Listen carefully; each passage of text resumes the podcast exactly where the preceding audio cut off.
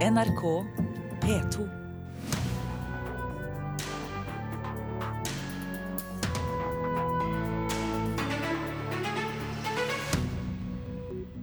Det kan bli streik i Hollywood, og det kommer raskt til, å gå utover TV-vanene også til oss nordmenn. Donald Trump runder 100 dager som president i morgen. Har mediene behandlet ham rettferdig? Og det kan være flere svakheter i Brennpunkt-dokumentaren 'Lykkelandet', den om tiggerne i Bergen. Og så blir det fredagspanel i dag, siden det jo er fredag, og vi diskuterer værfenomener i kunsten, 42 år gamle pensjonister og kjøleskap på internett. Vi går inn i en helg som kan få store konsekvenser for eh, din TV-hverdag og dine amerikanske favorittserier og show. Manusforfatterne i Hollywood truer nemlig med streik, og blir det streik, så vil det ganske fort påvirke både talkshow, TV-serier og filmer. 1. mai går forhandlingsfristen ut, og streikeviljen blant manusforfatterne er stor, også blant et av deres få norske medlemmer. Nei, altså, altså, det er ingen som har lyst til at det skal bli streik, men alle er klar og villige og gira på å streike hvis det er nødvendig. For det, det står om viktige ting. Ei, ei, ei, ei, ei. Tommy Wirkola og hans rundt 20 000 kollegaer i Fagforeningen for amerikanske manusforfattere er klare for kamp. Det kan fort bli veldig dårlig nytt for oss som trives aller best i sofakroken med favorittserien vår på skjermen. Det er klart at Hvis den varer lenge nok, så vil jo mange av de favoritt-TV-seriene til hele verden bli påvirka av det. We've almost died at the hands of a witch. Now, we travel the world hunting them. I Los Angeles har Wirkola akkurat skrevet ferdig manuset til en TV-serie basert på sin egen spillefilm om heksejegerne Hans og Grete.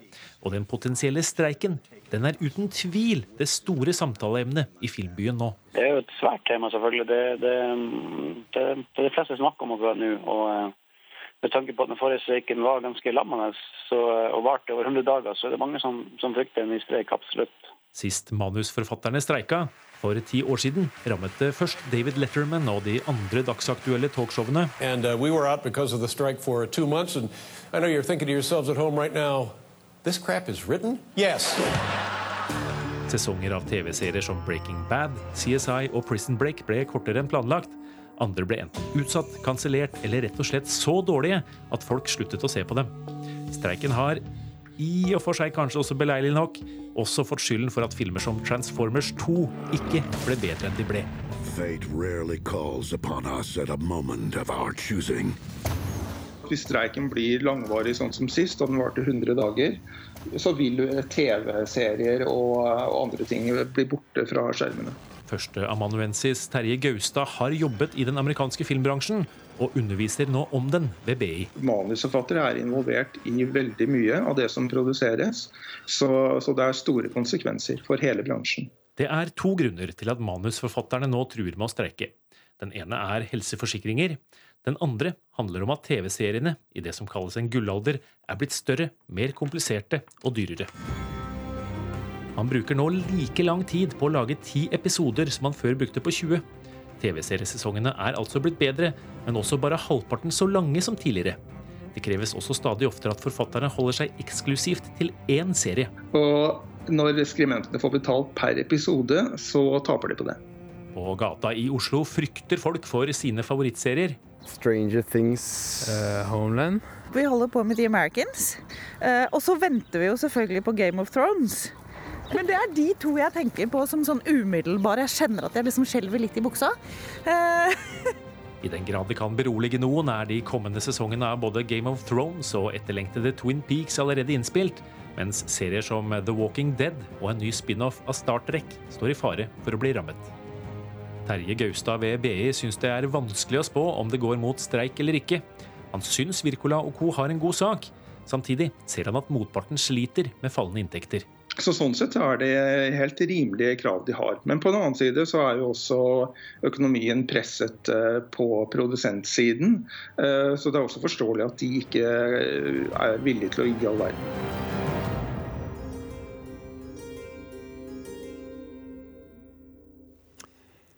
Reporter her, det var Gjermund Jappé. Og Gjermund Jappé han har sannelig kommet inn i eh, studio nå for å informere oss om hva som står i avisene i dag. Gjermund, og ikke overraskende kanskje, operabråket fortsetter? I Aftenposten i dag så går tidligere operasjef Bjørn Simensen ut og kaller operastyret intet mindre enn inkompetente. Eh, det er sånn ved operaen i dag at det er seks sjefer, og der er de sidestilte. Enten det er for tekniske ting, administrasjon, eh, opera eller ballett. Eh, det er en organisasjon han mener er meningsløs. Eh, og Dette er noe som kommer etter at det er mye bråk ved operaen, om det så gjelder pensjon, eller at den eh, nye operasjefen først tar på seg operasolistene, fordi hun vil gjøre om de faste stillingene deres til åremålsstillinger når de slutter eller går av. Eh, og Denne uka så varsla også musikksjefen at han ikke kommer til å søke nytt åremål, fordi han og operasjefen er uenige om kunstneriske spørsmål.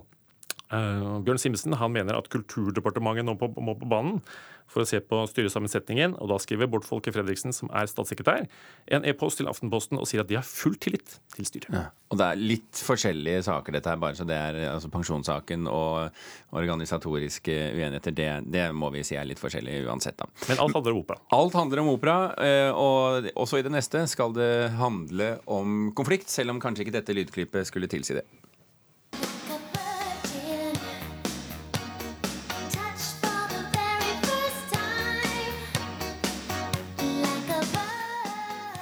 Og konflikten Gjermund, det handler selvfølgelig om ønsket enkelte har å lage film av Madonnas gjennombrudds... Eh, altså karrieregjennombrudd. Ja, det er ikke alltid like populært.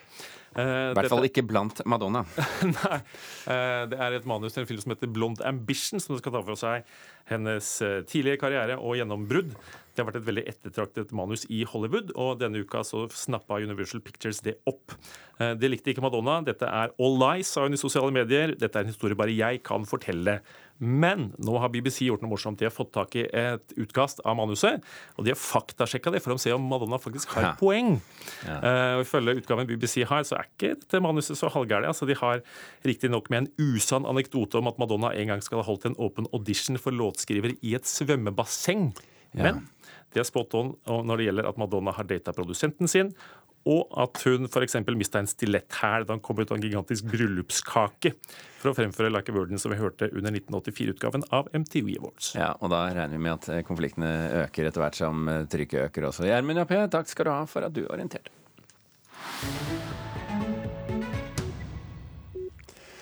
I morgen har USAs president Donald Trump sin hundrede dag på jobben, og det har vært turbulente hundre dager. Han fikk raskt et anstrengt forhold til mediene, og en hel humorverden har samlet seg mot ham. TV-kanalen Comedy Central dedikerer et nytt ukentlig TV-program bare til Trump-parodier, og allerede har komikeren Alec Baldwin i satireshowet Saturday Night Live satt spor med sin Trump-etterligning. Hello, and thank you for coming. I'd like to start by answering the question that's on everyone's mind. Yes, this is real life. This is really happening. Eirik Bergesen, tidligere i UD, kommentator og utenriksblogger, nå humorist og manusforfatter. Velkommen til Kulturnytt. Takk for det. Eirik Bergesen, hører du meg, Eirik? Hallo, hallo. Jeg, jeg hører deg, ja. ja der hører du meg. Ja, vi har nok en veldig forsinkelse hallo, i, i, Vi har en veldig forsinkelse i uh, oss imellom, så vi får bare gjøre det beste ut av det, Eirik.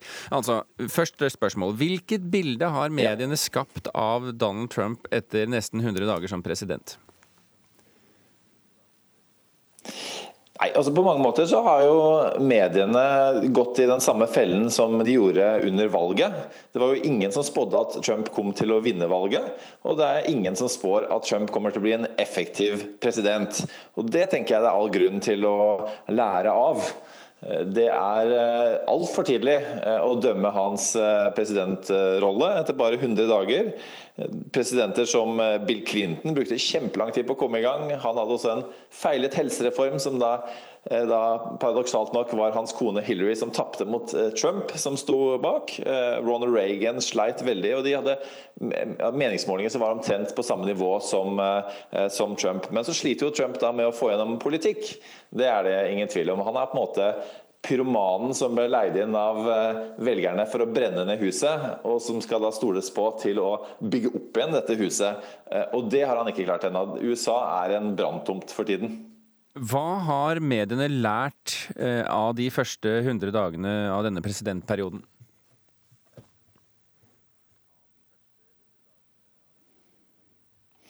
Nei, altså, Når man da hadde en kandidat som løy 75% av tiden, så var det åpenbart at den journalistikken de bedrev i valgkampen, eh, den måtte de endre. Eh, om de har klart det, det, det tenker jeg at de bare har til en viss grad. Eh, altså Man har for en gangs skyld sluttet å, å se på bare karikere bare håret hans og språket hans og ser på hva slags politikk han faktisk prøver å utføre, og hvorfor han ikke klarer å utføre det Eh, så langt. Det er jo, han har en såkalt Freedom Caucus i eh, Kongressen, som altså er de tidligere Tea Party langt, langt til høyre eh, republikanske kongressmedlemmene, som har muligheten til å blokkere alt han foreslår, selv om altså det er republikansk flertall i Kongressen.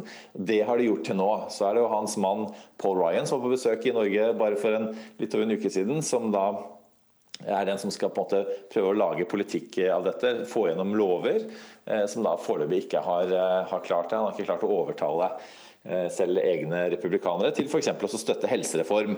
Og Så er jo det spennende å se om de får gjennom eh, skattereform, og om den økonomiske politikken lykkes. Og så er det rett sånn at Hvis Trump klarer å skape ja, en vekst på, på 5% så er det fortsatt sånn at det er the economy stupid i amerikansk politikk. og Da kan vi se eh, mot et gjenvalg av Donald Trump, med mindre de finner en såkalt smoking gun på dette Russland-sporet. Ja. Og Så haster det jo for demokratene å lage sin egen nye politikk. For det har jo et valg som kommer allerede neste år i Kongressen. Eh, og det ser ikke ut som de klarer å vinne, gjenvinne flertall eh, gjennom det valget. For der er det 25 eh, da, demokratiske kongressmedlemmer som står til valg, og bare, fem, eh, unnskyld, bare åtte republikanske. Eh, sånn at det, det, går nok mot, mot et republikansk styre også eh, helt fram til, til et eventuelt gjenvalg. Eirik Bergesen, jeg tror vi har satt ny rekord i forsinket linje her mellom deg og meg i Kulturnytt, så vi har brukt opp mye tid på det. Jeg er nødt til å runde av. Tusen hjertelig takk for at du var med oss og testet ut internettet her i Kulturnytt.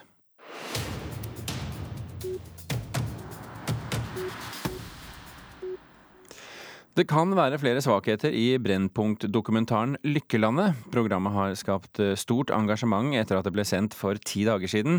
Carl Henry Nøkling, som tidligere har jobbet med rumenske tiggere for Kirkens Bymisjon, har gjennomført sin egen faktasjekk. NRK har allerede laget en ny versjon av dokumentaren der flere misvisende bilder er fjernet. Nå vil Nøkling rette opp i flere ting. De tjener millioner og overfører via pengebyrå, altså utenfor banksystemet. Bare fra Bergen er det sendt 100 millioner kroner fra privatpersoner til privatpersoner i Romania de siste fem årene. De 100 millionene er delt på fem år. Hvorfor gjør de det? Er det for å blåse opp tallene? Når en eh, bevisst bruker 100 millioner over fem år, Carl Henry Nøkling fant tall fra Statistisk sentralbyrå som viser at tre av fire av de rundt 1000 rumenerne som bor fast i Bergen, har vanlig, lovlig inntekt. Så fant han en rapport fra Økonomiuniversitetet i Bucuresti som viser at fire av ti rumenere mangler egne bankkonto. Det kan forklare at rumenere overfører penger utenfor det tradisjonelle bankvesenet. Sannsynligheten er altså til stede for at deler av pengeoverføringene Brennpunkt snakker om, er hvite, lovlige penger, og ikke knytta til kriminell virksomhet. Sten Stensen, instituttleder ved Institutt for journalistikk og mediefag ved Høgskolen i Oslo og Akershus, stiller spørsmålstegn ved at Brennpunkt har valgt å ikke fortelle at det potensielt kan gå lovlige penger fra Bergen til Romania. Det syns jeg absolutt de burde ha gjort, og det hører jo definitivt med i bildet. Hvis det er slik at en stor andel av disse pengene som det er snakk om i dokumentaren, kommer fra helt lovlydige borgere som bor i Bergen og i Norge, og som sender penger som de har tjent på ærlig vis gjennom arbeid i Norge, tilbake til Romania på denne måten. For slik dette framstår i dokumentaren, så er det jo som om disse 100 millionene stammer fra organisert kriminell virksomhet. Redaktør Odd Isungset i Brennpunkt svarer på kritikken. Det er godt mulig vi kunne ha presisert akkurat det, eh, men eh, så vidt jeg vet, så har Romania et ganske godt utvikla banksystem. Eh, og så vidt vi har undersøkt, så bruker folk som er i lønna arbeid i Norge, i hovedsak det ordinære bankvesenet. Men det er klart, vi kan jo ikke påstå eller garantere at alt dette stammer fra kriminell virksomhet. Det sier vi heller ikke. Brennpunkt har eh, bestemt seg for hva de vil presentere. Og eh, etter mitt syn så syns jeg at det er en dårlig måte å eh, drive journalistikk på. Det er totalt uten nyanser. Reporter i denne saken var Lars Erik Ertsgaard Ringen. Og du kan høre mer om dette i programmet Kurer i morgen klokken tolv på NRK P2. Klokken har passert 18 minutter over åtte. Du hører på Kulturnytt, og dette er toppsakene i Nyhetsmorgen nå. KrFs landsmøte skal i dag behandle et forslag om mer fleksibel bruk av kontantstøtte og barnehage. Det kan føre til færre kvinner i arbeidslivet, frykter NHO. 200 nordmenn som lider av kronisk utmattelsessyndrom, ME, vurderer å gå til felles søksmål mot staten. De mener de ble syke av et vaksineforsøk. Og folk som jobber med avlastning for funksjonshemmede barn, bør kunne jobbe opp mot 88 timer den uka de har barna, foreslår arbeidsminister Anniken Hauglie. Og da har vi akkurat 11 minutter på å gjennomføre Fredagspanelet. Ønsker velkommen kommentator i Dagbladet Inger Merete Hovelstad, journalist og forfatter Katrine Aspaas og forfatter og filmfyr Arne Bergen. Velkommen alle sammen. Tusen takk. Første spørsmål. Skrik ble malt etter at Munch hadde sett perlemorsskyer over Oslofjorden. Det påsto flere norske meteorologer som har fått internasjonal oppmerksomhet rundt hypotesen. NRKs kunstanmelder Mona Palle Bjerke mener det er et villspor. Munch malte ikke presist det han så i naturen. Kunstkritikere er flokkdyr, siterer hverandre og er ikke åpne for nye teorier, sa meteorolog Svein Fikke i Kulturnytt. Spørsmålet vårt er er dere enige med Fikke? Ja. Ja. Nei. Nei. Hvorfor ikke? Eh, nei, altså, det er jo ikke slik at eh, Munch-resepsjonen om du vil, ikke tåler et meteorologisk eh, perspektiv. Altså Det å finne ut disse skyene om den dagen og at de kanskje er der, altså, det er bare gøy. Det er bare en fin eh, historie. Eh, men det er jo noe med årsak og virkning her, og det på en måte som ligger litt sånn i meteorologenes tolkning, det er vel kanskje at, at disse skyene var en slags direkte årsak og inspirasjonskilde, og selve det som har skapt innholdet i Munch. Og da, eh, da syns jeg vel kanskje altså, men Det er kanskje sånn vi alle har en tendens til, at vi ser litt våre egne perspektiver inn i alle og tror folk blir beveget av det samme som oss selv. Jeg vil jo tro og håpe at hvis du er meteorolog, Så sånn så, har du et så også, lidenskapelig forhold til været at, at du blir besjelet av, av disse eh, skyene. Eh, men, men angående dette her, liksom å legge det til bunn som en slags dominerende tolkning, det er vel å ta oppmerksomheten vekk fra det psykologiske, emosjonelle og alle disse tingene i bildet. Jeg var jo mest overrasket over at meteorologer har vinduer og ser på været utenfor. For det stemmer jo aldri på Yr-appen. Det spår, det som der de ligger der hvor Nei, han er i Oslo. det? i dag. Så jeg var gøy at vi hadde vinduer og så ut, det, og bra diksjon av den også. Men, men jeg, jeg tror jo kunstkommentatorer og kritikere har en tendens til å liksom på en måte skulle skape romantikk rundt inspirasjon og, og, og hele prosessen. Det er klart det er, er ofte banalt. Han ser noen flotte skyer, skisser det ned, og akkurat som piker på broen og, og, og mye av det annet han har gjort. Det er konkrete ting. Um, så jeg tror meteorologen er helt på sporet. Mm. Og jeg, jeg fryder meg liksom langt inn i, i hjertet over mennesker som blander seg inn i andres fag. Ja. Fordi eh, jeg tror altså vi går i flokk, de fleste fag, og vi sitter i fagsiloene våre og eier fagene.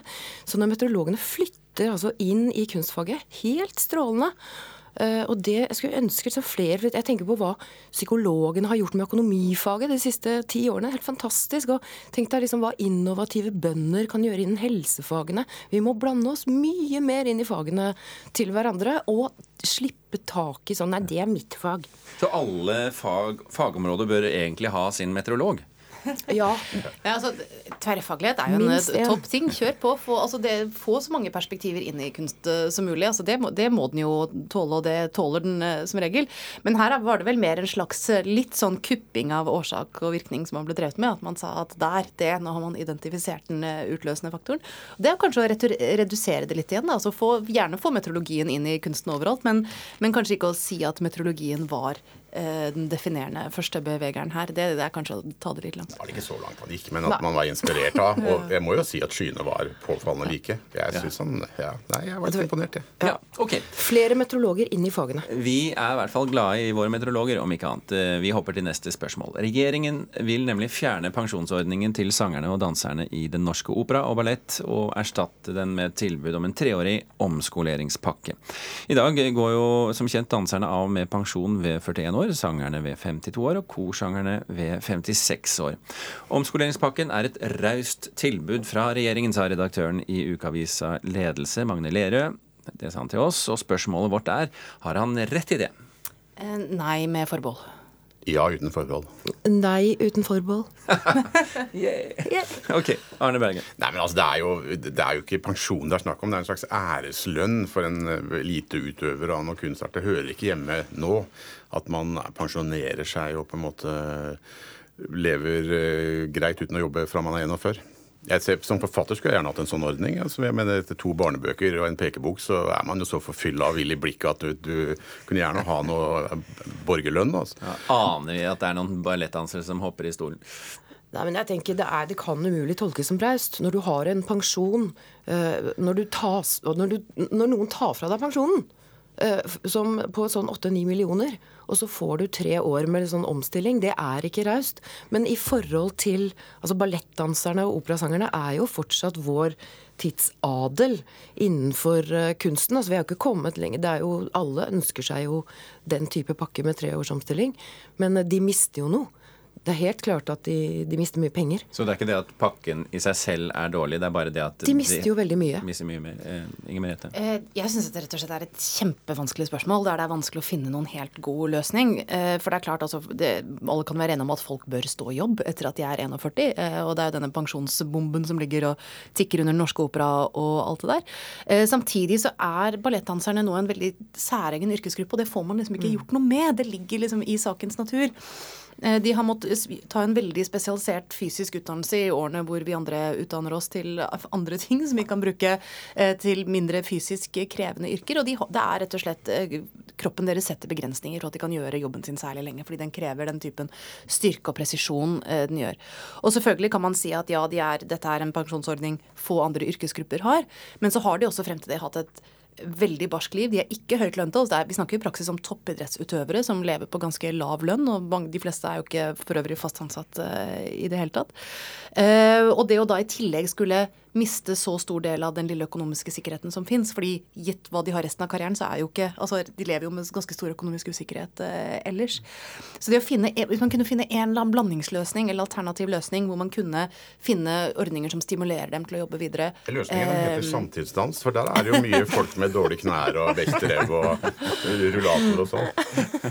Men, men Bergen, det er jo et poeng Inger Merete har her. eh, eh, Nå la jeg merke til at jeg sa etternavn på deg Ja, ja. navn på deg. Det var jo bedre bedre. Eh, eh, Arne, Ja. Inger Merete har et problem her. Nei, et poeng her. Der kom det. Det er bra det er fredag. Minuttene går. Eh, hun har altså et poeng her. Dette er jo toppidrett. Det er jo en eh, voldsom kvalitet på det de holder på med, og det går også voldsomt utover kroppen deres. Det gjør det jo ikke å skrive bar- barnebøker, tross alt. Det går utover leveren. Altså, nei, nei, jeg er helt enig. Det er jo jeg har full respekt for den innsatsen du gjør. Er du gæren? Men, men, men det er jo underlig at de liksom ikke skulle kunne brukes til noen ting. Så jeg, jeg må si at det er klart det er synd for dem å miste den eh, æreslønnen de har, men eh, Kort. Men det er, jo, det er jo helt klart at noe må gjøres, og det er en realitetsorientering. fordi at du, du lever hele livet i en utrolig privilegert situasjon og, og driver det med det du elsker, og du vet at du kommer til å måtte gi deg ganske tidlig. Så da er det sånn OK, da har jeg tre års omstilling, så jeg, det, jeg tror de kommer til å klare det. Jeg har veldig tro på operasangerne og ballettdanserne. Eh, kan jeg bare fort skyte inn noe som fort faller bort dette? Det er at flere faktisk fortsetter å jobbe som koreografer og som danselærer og som sånne ting. Så det er ikke snakk om at alle bare legger seg på sofaen når de er 40. Nei, og det har vi heller aldri Har påstått, så på bare så det er sagt. Ok, Vi hopper til neste spørsmål. Vi må snakke om eh, alle de tingene vi omgir oss med som er eller vil bli koblet til internett. Vi snakker om kjøleskap og vannkoker og lekedokker. Alt skal på nett i fremtiden. Men datasikkerheten rundt disse produktene er ofte dårlig, og lovverket henger etter, påstås det. Så vårt spørsmål til dere er er dette et spørsmål om juss, eller dreier det seg egentlig om at folk må bruke huet sjøl? Altså juss eller hue? Mm. Eh, juss. huet. Ja. ok. Vi går på han som sa huet. Nei, men jeg, jeg, jeg, jeg ser jo de få vennene jeg har som på en måte ikke er på Facebook og skal ha kontroll og sånn. De er jo ikke med lenger. De har jo ikke noe liv. Jeg tror vi Men kjøleskapet deres jo, trenger jo, kanskje men ikke altså, Vi må Facebook. bruke huet, men, men jeg, jeg tror vi bare må overgi oss til det. Hvis vi drømmer om, om kunstig intelligens og at bilene skal komme og hente oss om morgenen, og sånn, så, så må vi gi fra oss så mye informasjon at jeg tror det blir veldig veldig vanskelig. Men fremdeles går det an å være litt kritisk og bruke huet. Men det er over. Det er over. Vi har ingen kontroll. Nei. Men om man skal prøve å gjenvinne kontrollen, så må jo det være et juridisk spørsmål. For nettopp det at det etter hvert å melde seg ut av alle mulige ting som har, er påkoblet, altså det går jo ikke. Det har vært uendeløse diskusjoner om hvor mye du gir opp til Facebook. ikke sant? De eier bildene dine, de eier kolossale mengder informasjon om deg. Men altså det å gå, gå ut av Facebook av den grunn, altså da mister du jo utrolig mange eh, tilgang til utrolig mye som eh, fellesskap hvor andre er. da. Mm. Eh, så det å på en måte stå utenfor slike hva skal jeg si, påkoblede måter å leve på, eh, arenaer, møteplasser, greier, det er for kostbart for den enkelte, og da må mm. det være et slags sentralstyrt eh, Men nå snakker vi ikke egentlig om den enkelte, vi snakker om tingene til den enkelte. Mm. Ja. Og så, jeg tenker sånn, så Det er jo grenser for hvor mye sensitiv personlig informasjon det ligger i kaffedrakteren, liksom. Mm. Men, uh, Nei, men det, kan jo fortelle hva, ja. om, om, når du står opp om morgenen, når du går og legger deg om kvelden, hva ja. det, sånn, videre. Ja, ja. Det er masse sånn informasjon. Jeg, altså, vi er nødt til, Der er vi nødt til å være litt sånn gavmilde i tillitsarbeidets ånd. At vi rett og slett klarer å slippe kontrollen og senke skuldrene. Og jobbe med jussen. Men at vi rett og slett tenker er det så farlig da? At folk veit at jeg står opp klokka åtte og tar astmamedisin og Må bare ikke ha sex med kaffedrakteren. Nei, altså, men det er jo hele tiden en vurdering her, da. ikke sant? Skal vi være tillitsfulle, eller skal vi være livredde? Jeg, jeg, jeg er litt sånn engstelig for Jeg er veldig glad for at noen passer på personvernet vårt. Men jeg, jeg, vil jo ikke overlate styringen til de veldig skeptiske og redde. Men når de som passer på personvernet sier at man skal være skeptisk og redd, hva sier dere da? Ja, Da sier jeg gå så ha sex med kaffetrakteren. jeg har bilder i hodet når jeg ikke ønsker. Uh, Inger Merete Hobbelstad, uh, vil du at kjøleskapet ditt skal eh, snakke med f.eks. Rema? Eh, det kan det godt, men da syns jeg også det ville være hyggelig om det var et eller annet regelverk som styrte litt hva som skjedde med oppbevaringen og sånn av de eh, opplysningene. Men altså for all del, hvis de finner tonen og har en god samtale og syns de har det hyggelig sammen, så skjønner jeg ikke at eh, de ikke skal få på med det. Vi får ta dette tilbake til Forbrukerrådet. Vi har ikke mer tid i verken Fredagspanelet eller Kulturnytt. Inger Merete Hoppelstad, Katrine Aspås og Arne Bergen, takk for at dere var vårt fredagspanel. Thomas Halvarstein og Birgit Olsson takk for følget. Hør flere podkaster på nrk.no podkast.